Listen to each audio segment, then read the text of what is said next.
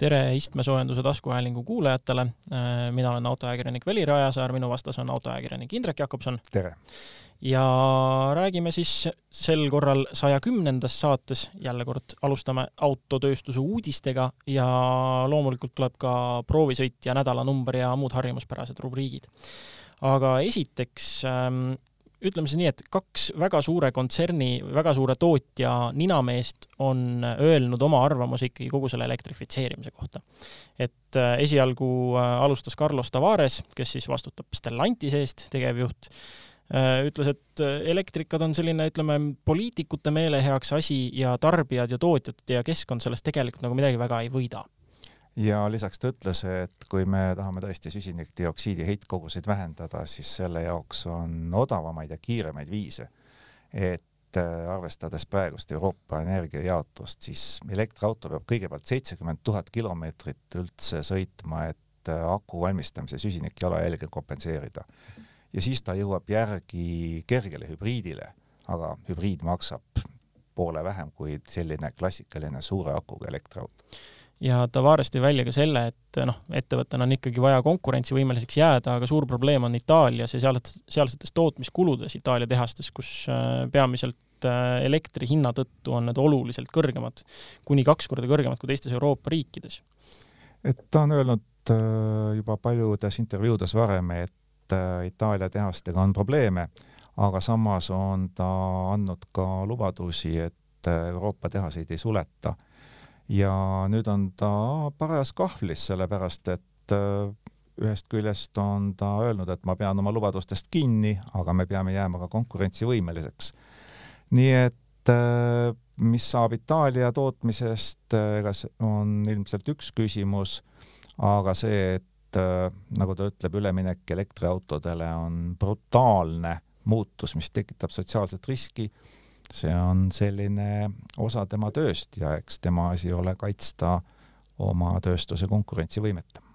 ja BMW tegevjuht Oliver Zipse on sarnasel seisukohal, et elektriautodele ei tohiks minna üle liiga rutakalt. meil on ikkagi noh, samamoodi see, see brutaalne on selles mõttes nagu hea sõna, et meil on toimiv äh, infrastruktuur olemas, tema näeb seda niimoodi, Zipse siis, et äh, et nad ei ole isegi BMW-ga välja öelnud äh, seda tärminit, millal nad täielikult elektriautodele üle lähevad, nad ei ole seda välja hõiganud, nagu paljud teised tootjad on, ja nad arendavad värsket äh, sisepõlemismootorite põlvkonda samal ajal, kui nad arendavad siis ka oma elektrisõidukeid edasi, et äh, nad näevad, et see on noh, nii suure tõenäosusega ikkagi jätkab sisepõlemismootor elektrisõidukite kõrval, et nad julgevad panna selliseid meeletuid arendussummasid uude põlvkonda mootoritesse, mis on siis efektiivsemad aga no samas ütleb Sipse jälle, et äh, tuleb mõelda pikemaajalistele tagajärgedele, kui me hakkame siin üle minema sisepõlemismootoritest elektriautodele. Ja ta võtab positiivselt, et elektriliselt laetavate autode selline tugev kasv on väga teretulnud uudis,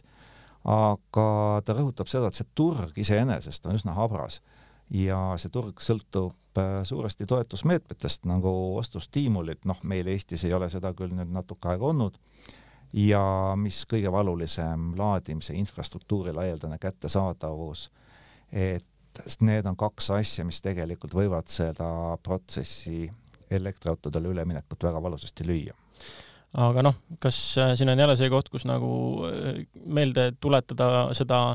arvamust, mida me saates kordi oleme välja öelnud, et äh, ega see keskkonnasääst ei, ei saagi tulla sellest, et me hoiame üleval oma sisseharjunud tarbimisharjumusi, tuleb ikkagi sellest, kui asju kasutada kaua, neid elus hoida nii-öelda ja lõpuni tarbida. elektriauto puhul on see, et see seitsekümmend tuhat kilomeetrit, et ta oma selle jalajälje tasa teeks noh, ta, ta ei ole nagu üldse selline pikk distants, ütleme, aga see on ikkagi selline, need, need kolme aasta tagant autovahetajad vahetavad juba uuema põlvkonna vastu ta ammu enne tõenäoliselt välja, kui nad selle seitsekümmend tuhat täis on sõitnud. et noh, jällegi see inimeste peades on see asi kinni ikkagi. jah, lõpuks nad võib-olla sõidavad tõesti selle seitsekümmend tuhat ja veel rohkemgi ja sada seitsekümmend ja kakssada seitsekümmend tuhat,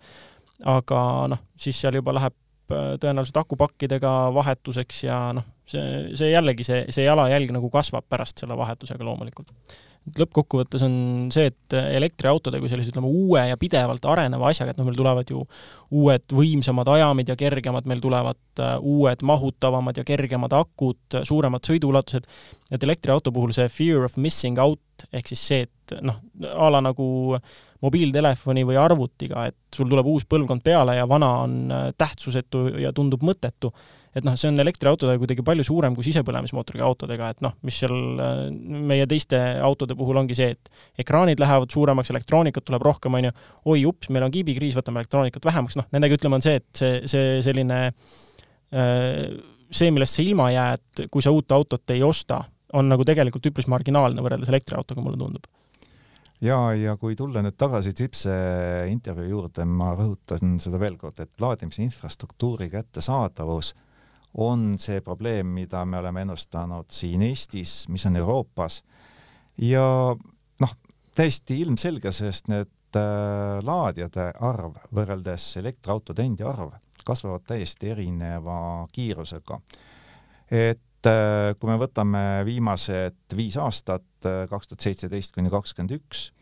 siis elektriautode müük Euroopas on kasvanud üle kümne korra, aga avalike laadijate arv on vähem kui kaks koma viis korda kasvanud. Zipse tõi selle fakti välja ja ütles, et kui seda olukorda kiiresti ei lahendata, siis meil on varsti tee tõkestatud, roadblock, nagu ta ütles.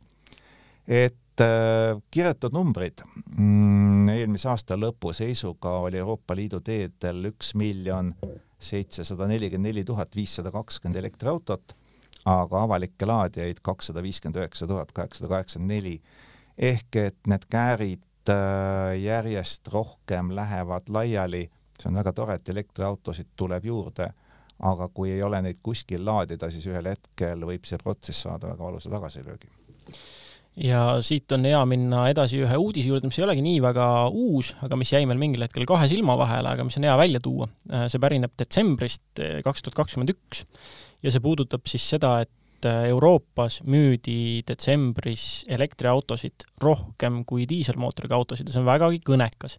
ja see ei ole mitte nii, et noh, tihti äh, firmad räägivad siin oma elektrifitseerimisstrateegiates sellest, et oo, me elektrifitseerime kõik oma mudelid, ja see tegelikult tähendab seda, et mingi osa on akuelektriautod ja mingi osa on hübriidid, on ju, aga see, see detsembri näit puudutab ainult akuelektriautosid. Jah, et neid riike oli tervelt kaheksateist äh, kogu Euroopa peale, kus äh, esimest korda müüdi siis äh, ühe kuu jooksul täiselektrilisi autosid rohkem kui diiselautosid, et kokku on see number siis noh, umbes sada kuuskümmend tuhat diiselmootoriga autot ja sada seitsekümmend kuus tuhat täiselektrilist. et kakskümmend protsenti elektriautode turuosa diiselmootorite oma alla üheksateistkümne noh, loomulikult see on ühe kuu näitaja, see võib liikuda siia või sinna, noh, saatan on peidus detailides, nagu me teame, et esiteks loomulikult on see detsembri müük, me ei tea, mis jaanuar toob. ja kui võtta ainult äh, Euroopa Liit, siis aasta peale kokku on muidugi nii hübriidide kui diiselmootoriga autode turuosa täpselt võrdne, üheksateist koma kuus protsenti. ja ka siis selliste õigete täiselektriliste akuautode osa on ta ainult üheksa koma üks, et muidugi see number kasvab ja, ja see numbri kasv tundub olevat sellegipoolest üsna kiire. aga eestlased on ikka veel üsna diisliusku kogu Euroopas oma diisliusu poolest neljandal kohal. et kui tunamullu läks Eestis kaubaks neli tuhat kuussada kolmkümmend seitse diiselmootoriga sõiduautot, siis eelmisel aastal neli tuhat kaheksakümmend neli ehk langust siis üksteist koma üheksa protsenti. ei ole väga suur langus, et kogu Euroopa Liidus oli see langus kolmkümmend üks ja pool protsenti, üle kahe korra rohkem. no saame aru, meil on elatustase natuke madalam. mis on põnev, on see, et Bulgaarias diiselautode müük lausa kasvas et, et viisteist protsenti müüsid nad diislit rohkem kui varasemal ajal. Ja jutt on uute autode müügist, jutt ei ole mitte sellest, et need oleks Lääne-Euroopast toodud pruugitud autod. Eh, horvaadid müüsid siis kümme protsenti vähem ja iirlased kaheksa koma kaks protsenti vähem diiselautosid varasema perioodiga võrreldes, siis tuleb Eesti oma ligi kaheteistprotsendise kukkumisega. noh, ja kõige suuremas diiselhäbis paistavad olevat muidugi Ühendkuningriigi omad, neil kukkus turg äh, diiselmootoriga uutele sõiduautodele nelikümmend kaheksa koma üks protsenti. Et jälle see on kõik see, ütleme siis noh, kõik need ULEZ-id ja need madala, madala emissioonitsoonid ja kõik, mis neil seal on, pluss siis üleüldine diislihäbi ikkagi on oma väga jõulise põntsu pannud. aga miks näiteks hiirlased saavad äh, ikka veel diisliga edasi põristada, huvitav, et nad peaksid olema ju suhteliselt sarnase mõttemaailmaga kusjuures ei olegi, ei olegi uurinud jah, aga noh, see on ka Euroopas seesama Bulgaaria näide, mis sa välja tõid, et see mentaliteet äh, niimoodi mõne tuhande kilomeetri ulatuses võib nagu vägagi erinev olla. aga nüüd protsentidest hoopis Eesti automüügi juurde. jaanuarikuu arvud on teada, Eestis läks kaubaks tuhat seitsesada kakskümmend neli uut sõiduautot, see on eelmise aasta jaanuariga võr võrreldes kolmeteistprotsendine kukkumine. aga see on jällegi rohkem kui eelmise aasta lõpus, oktoobris, novembris ja detsembris. ja noh, kuidas on meil siis elektriautodega, nelikümmend kuus tükki jaanuaris näiteks, CNG autosid kolmkümmend kuus tükki ja siin selles äh, müügi edetabelis äh, algusotsas suuri üllatusi ei ole, et äh, ikka võidukas on Toyota, siis tuleb Škoda ja Kiia. ja no edasi ka Volkswagen, Hyundai, Mercedes-Benz, aga Toyota selles mõttes on suurima ikkagi tuntava edumaaga ka teise koha ees, et nelisada kolmkümmend üks autot Škoda kahesaja üheksakümne ühe vastu. Ja kui me siin vaatame juba edasi, siis ongi ainult äh, esimesed kolm tükki on müünud üle saja auto ja kõik teised jäävad alla saja juba, Volkswagen näiteks kaheksakümmend kolm ainult.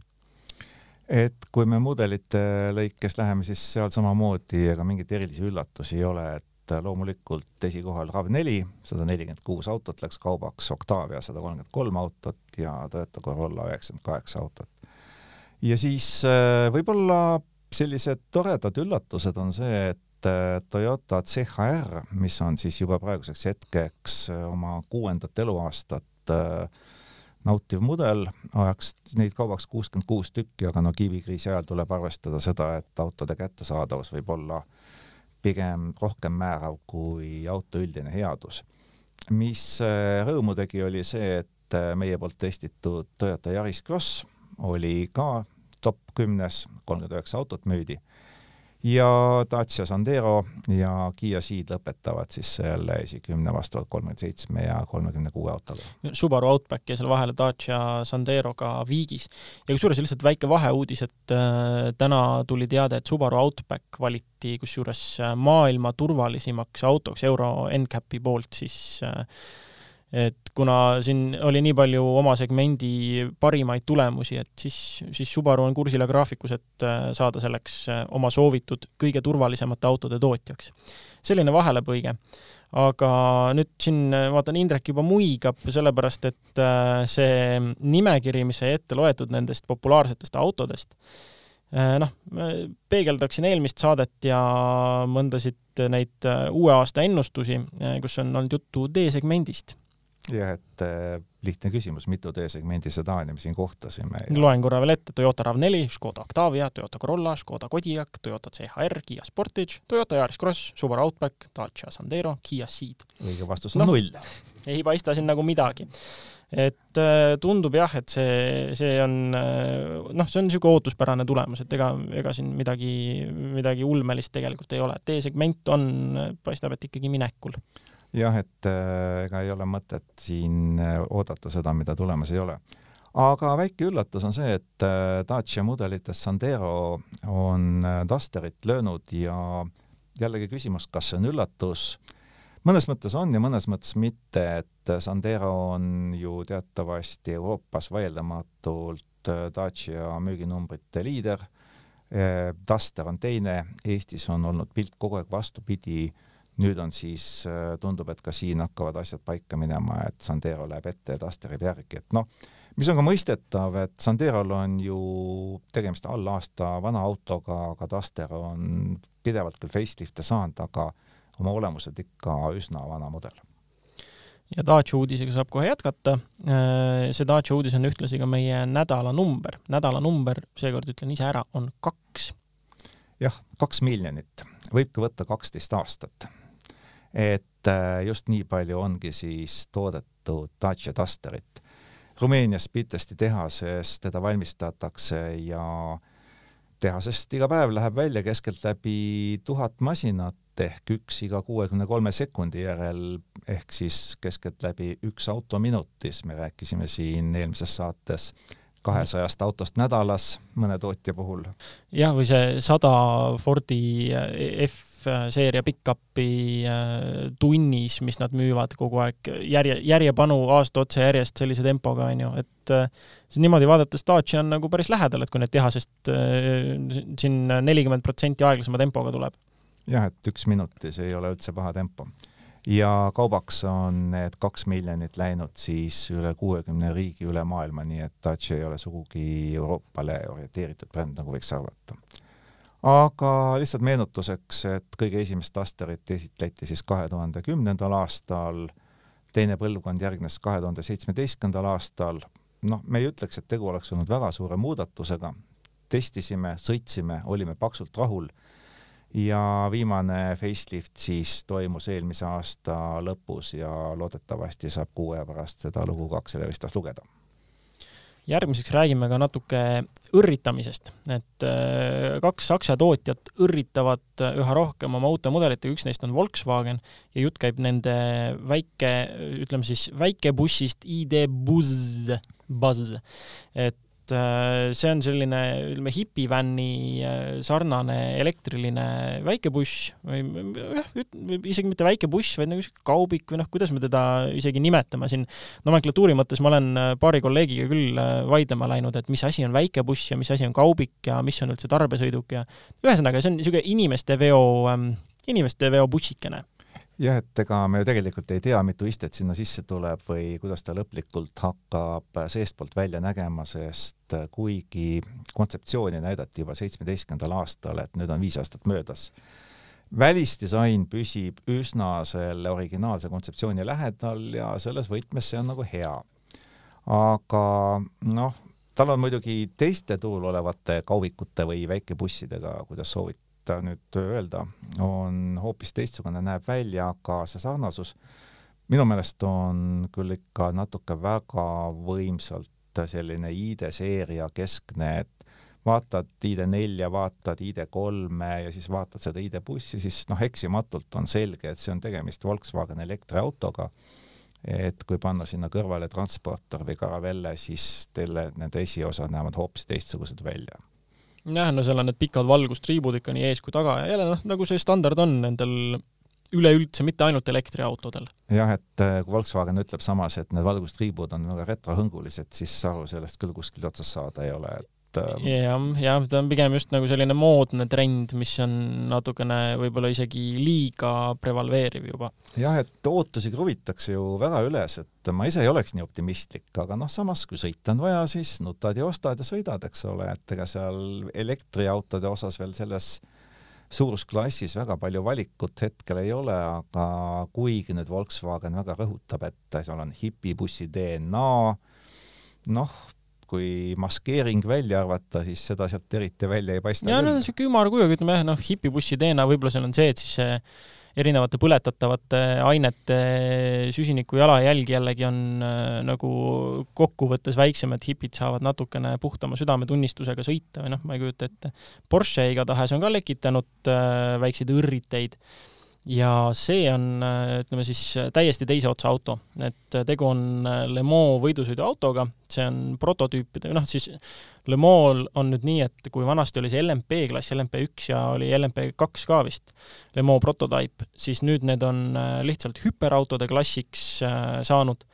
Ja Porschel on sinna pakkuda hübriid V8, millel on ka topeltturbo, et täitsa nagu niisugune põnev asi jah, et Boschel on sellel võidusõidul ikka väga palju võite ette näidata, viimati siis aastal kaks tuhat seitseteist hübriidiga üheksasada üheksateist mudel.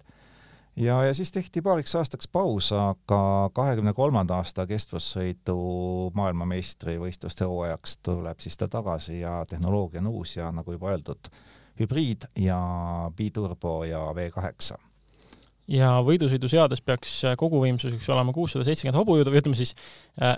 selle kohta vist isegi võiks öelda hetkevõimsus, et see on juba üpris standard nende hübriidvõidusõidumasinate juures, et äh, koguvõimsus, kui mootorite maksimaalne väljaantav võimsus kokku lüüa, on midagi palju-palju-palju rohkemat, aga et see või, võidusõiduseade siis tähendab seda, et põhimõtteliselt igal ajahetkel igast asendist äh, on sul see lubatud võimsus käes ja siis Porschel on selleks kuussada seitsekümmend hobujõudu. et mis osakaal sellest on mingil ajahetkel elekter, mis osakaal sisepõlemine, seda, seda täpselt veel ei tea ja kui Porsche seda ise teabki, siis ega ta seda ei ütle, sest autol pole esiteks isegi nime ja tehnilisi üksikasju hoitakse ka hästi hoolega saladuses, sest lõppude lõpuks on tegu võidusõiduautoga ja kui keegi arvab, et kuussada seitsekümmend hobujõudu on vähe, siis tuleb meeles pidada, et see auto on disainitud kestvussõidu jaoks ja seal on nagu ralliski to finish first, first to finish. Le Mans teemadel äh, siis jätkates äh, täiendan siin, et tagasi on tulemas ka Peugeot ju sinnasamma LMH ehk siis hüperautode klassi. Ja neil on selline põnev auto nagu üheksa X kaheksa, Acceleristas oleme mitu korda kirjutanud ka, ja selle teeb kusjuures eriliseks äh, huvitaval kombel see, mitte see, mis tal on, vaid see, mis tal puudu on. Et tal ei ole hiiglaslikku äh, tagatiiba, mis äh, noh äh,, siin vist kas nelikümmend või peaaegu viiskümmend aastat ei ole võitnud ükski masin ju, millel ei ole tagatiiba. et see on jälle siuke huvitav asi, millega nagu hoida prantslastele pöialt, kusjuures Peugeot käes on äh, Le Mans kestvussõitudelt äh, siiamaani üks rekord äh, sellest, kui, kuivõrd see pikk kuulus sirge äh, Äh, H-tähega algab, ma ei ürita, ma ei taha seda hääldust ära mõrveerida, aga sellel sirgel, enne kui šikaanid lisati, siis üks Peugeot võistlusautodest kunagi sai kätte nelisada seitse kilomeetrit tunnis. see oli see ajajärk, kui siis asi hinna, hinnati juba nii ohtlikuks, et, äh, et need šikaanid tehti sinna sisse. et see on tõenäoliselt rekord, mida niipea ei õnnestu veel korrata et ei ole meil nii, nii jõulise ja ulmelise kiirendusega autosid, mis äh, nende šikaanide en-, eelnevalt ja nende vahel suudaksid sellise kiiruse üles võtta, et Peugeot rekordit üle lüüa. et selles mõttes saab põnev olema, olema vaadata, kuidas Porsche ja Peugeot seal maadlevad ja kõik teised ka loomulikult. jah, et see on võistlus, mis on olnud juba päris kaua aega üks selliseid, mis annab annab ettekujutust natukene sellest, millised tehnoloogiad tulevad mitte ainult ainult äh, võidusõitu, vaid võivad tulla ka päriselus, sest noh, meenutame kas või seda, kui Audi kolm aastat järjest selle kinni pani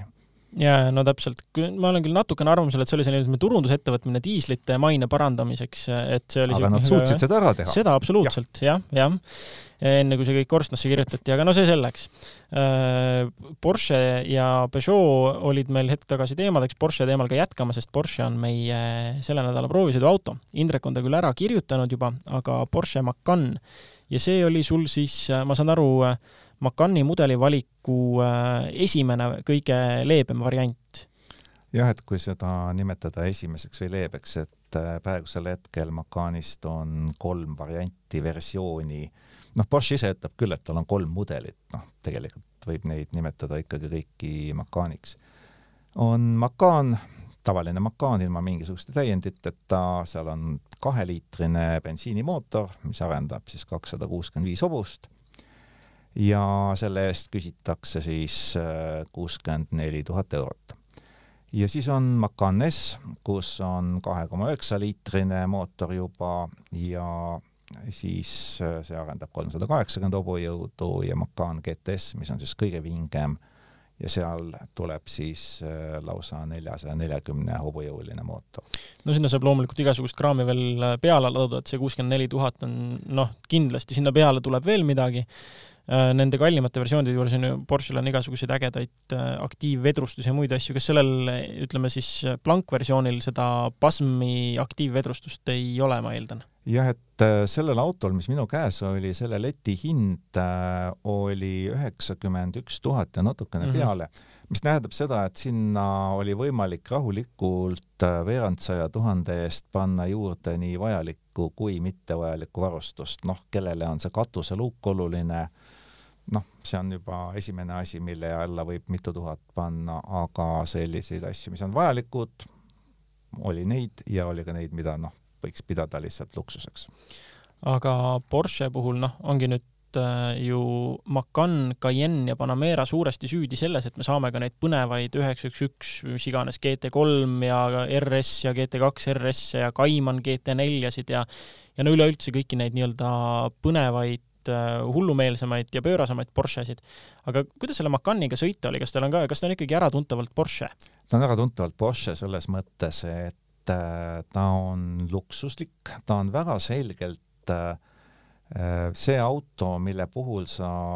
saad aru, mispärast on väga lihtne saada liikluspolitsei sponsoriks sa jõuad linnast maanteele, sa vajutad gaasi ja sa ei saa aru, mis see kiirus on, enne kui sa vaatad spidomeetrit ja ütled ups. Ja hea, kui sa vaatad seda ise, mitte ei vaata seda kaamera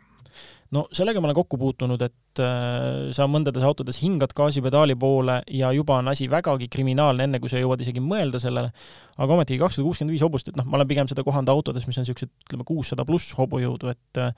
see kakssada kuuskümmend viis hobust ei tundu ju nagu nii meeletu. ei tundugi ja selles asi ongi, et see auto on tehtud hästi mugavaks ja mõnusaks, ehk et sa ei saa tegelikult aru, kui kiiresti sa sõidad. Sa ei tunneta ka seda kiirendust, ega makaan ei rebi sind meeletu jõuga istme seljatoe sisse, kaugel sellest. ta läheb lihtsalt äh, sujuvalt, vaikselt, hästi mõnusalt, pehmelt ja siis sa ei märkagi seda, kui kiiresti sa tegelikult sõidad no sa rääkisid siin selle mootori valiku enne lahti, ma mäletan, et ma olen kunagi näinud ka diiselmootoriga Macanne, aga mis neist siis sai? Need läksid sinna, kuhu diislitapp viis kõik diiselmootorid, et kunagi oli tal kapoti all kolmeliitrine V6 ja see oli sama, mis Audi Q5-l. ja ega seal ei olegi midagi imestada, kuna Porsche Macan on tegelikult Audi Q5 natukene luksuslikumas kastmes ja natukene väiksemas vormis. nüüd, kui sellest sõiduelamuse poolest rääkida, siis äh, mulle meenub, et sa oled näiteks sõitnud ju Porsche Caymaniga, mis oli sinu esimene Porsche kogemus üldse. kui sa nüüd ütleme, äh, noh, see on veidike meelevaldne võrdlus, aga lihtsalt mulle meenub, et kunagi, kui ma Cayenne turboga sõitsin, siis äh, mul jäi sellest mulje kui kõrgemast ja pisut raskemast üheksa üks ühest, no ütleme sellist nii-öelda vaniljeversiooni üheksa üks ühest, et mitte mingist tähtedega versioonist. aga ikkagi ta oli nagu noh, ta oli selle elamuse poolelt ikkagi arusaadavalt Porsche, sellega oli jõuliselt vaeva nähtud ja seda oli tunda. kas sa kuidagi Macani kui siis Porsche väiksema linnamaasturi kohta äh, võid öelda, et see on võrreldav mingit sorti äh, nende väiksema sportautoga? kindlasti mitte, et äh, Macan on ikkagi noh, ma ei ütleks, et ta nüüd on natukene luksuslikum Volkswagen, aga seal löövad ikka väga selgelt välja kõik selle platvormi geenid ja ega ta on noh, juba sellepärast, et tõepoolest Porschelik on seal teatud disainelemendid, hakkame juba pihta sellest vasakul käivast võtmest ja nii edasi. aga kui sa sõidad, siis äh, sul ei teki kordagi tunnet, et sa oled Porsches, sa oled võidusõiduautos, noh, hoia küll sportautos, ütleme. Sa oled mugavas luksuslikus autos, mis viib sind edasi nii kiiresti, kui sa tahad, täiesti mõistliku kütusekuluga sealjuures, nii et äh, sellist äh, sportlikkust, ütleme, selles Macanis tegelikult ei olnud. või noh, ei olegi ilmselt äh, ette nähtud. siis äh, tuleks sulle ikkagi võtta ja välja rääkida ka see tippmine versioon, et äh, sest ka kunagi olen proovinud eelkäijat Leipzigis ja selle puhul ma ka mäletan, et ta noh, tal, tal mingisugused siuksed elemendid juba natukene nagu olid, kui sa neid oskad otsida, et noh, kasvõi see aktiivvedrustus, et ta silus seda külgkaldumist väga hästi. ja lihtsalt see, et noh, kui sa sellisele platvormile väga palju jõudu laod ja ta rebib niimoodi kenasti, et siis tahes-tahtmata ta jätab sellise sportauto tunde ikkagi. et äh, ma arvan, et järgmine samm võiks olla jah, panna siin natukene võimsama Macani rooli või näiteks Cayenne Turbo. no siin tuleb arvestada nüüd seda ka, et millistes tingimustes proovisõit möödus, et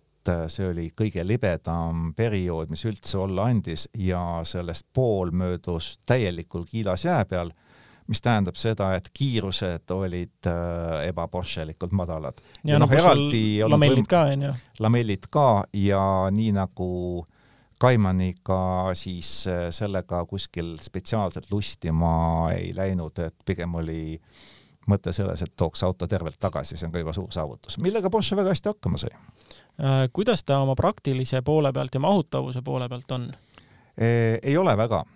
mis mind ennast häiris, on see, et äh, kõigepealt, äh, kui sa astud sinna autosse sisse, siis ta on väike, ta näeb suur välja, ta on suur auto, aga ta on seest üsna kitsas, nii et noh, kui ma enda järgi istme paika seadsin juhi poolt siis noh, taga oli võimalik äh, kuidagi istuda, aga see on ka kõik, et noh, ma toon alati näiteks Tiguani, mis on äh, ligi kakskümmend sentimeetrit lühem, aga kus on sees oluliselt rohkem ruumi. ehk et äh, Porsche ei ole sugugi seadnud äh, Macani puhul nagu ruumikust või sellist pereautolikkust eesmärgiks, et ma ei taha olla seksist, aga kogu aeg tekkis selline tunne, et see ongi naistele mõeldud auto, puhtalt seetõttu, et naised on natukene lühemat kasvu ja ta ongi disainitud sellise noh, meeter seitsekümmend kanti inimese jaoks kuidas pagasiruumi mahutavusega oli, proovisid laduda sinna midagi? pagasiruum on väga hea kujuga, mis võimaldab sinna panna päris äh, suuri asju, aga oma kuupmeetrite poolest ta muidugi mingit äh, erilist äh, mahutavust endast ei kujuta. aga see ei ole ilmselt ka eesmärk, et Porsche ei ole mõeldud külmkappide vedamiseks. kütusekulu jõudsid ka vaadata? mõõtsin, üheksa koma kolm liitrit sajale valmistaja tehas lubab äh, kümne koma kahe kanti. ja miks ma sain väiksema numbri, nagu ma ütlesin, teeolud olid sellised, mis äh, sundisid lihtsalt aeglaselt sõitma. Linnas äh, alla kümne muidugi ei saa, et sõida aeglaselt või sõida kiiresti, et seal tuleb ikka arvestada kahekohalise numbriga. Nii, aga nüüd selline küsimus, et kui sa võtad näiteks selle proovisõiduauto hinna, mis ütlesid üheksakümmend üks tuhat, on ju, siis ja selle, et ta on nagu mõeldud natuke väiksematele inimestele, Äh, kas äh, kohe oleks äkki siis äh, mõtet seda raha isegi mitte Macanile panna ja vaadatagi mingisuguse algversiooni, ma ei tea, Kaimani või mingi siukse asja poole üldsegi, et saada rohkem seda Porsche elamust, ütleme, kui inimene otsib seda, seda nagu Porsche tunnetust ikkagi? no minu isikliku hinnangu kohaselt on tegemist nii erinevate autodega, et kui inimene tahab kahte autot osta, siis jah, palun. aga seda, et Macan asendaks talle Caymanit üheksa üheteistkümnest rääkimata ei ole mõtet endale sellist asja ette kujutada. aga kellele siis Macan äh, sobib üldse? Macan sobib kõigile, kes tunnevad ennast seal sees ja sinna sisse-välja ronides piisavalt mugavalt, sellepärast et äh, noh, igaühele, kelle, kes soovib sõita punktist A punkti B vaikselt, mugavalt ja täpselt nii kiiresti, kui nad tahavad ja sellise tõdemusega jõuab lõpule saade järjekorranumbriga sada kümme. loodan, et tulete ka järgmisel nädalal meid kuulama. aitäh! Kuulmiseni!